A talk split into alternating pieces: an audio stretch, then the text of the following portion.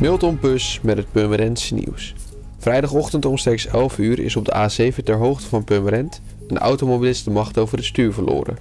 Ter hoogte van afrit Purmerend, richting Horen, reed de Belgische automobilist tegen de vangrail, tolde en reed nog een keer tegen de vangrail. Het voertuig is totaal los.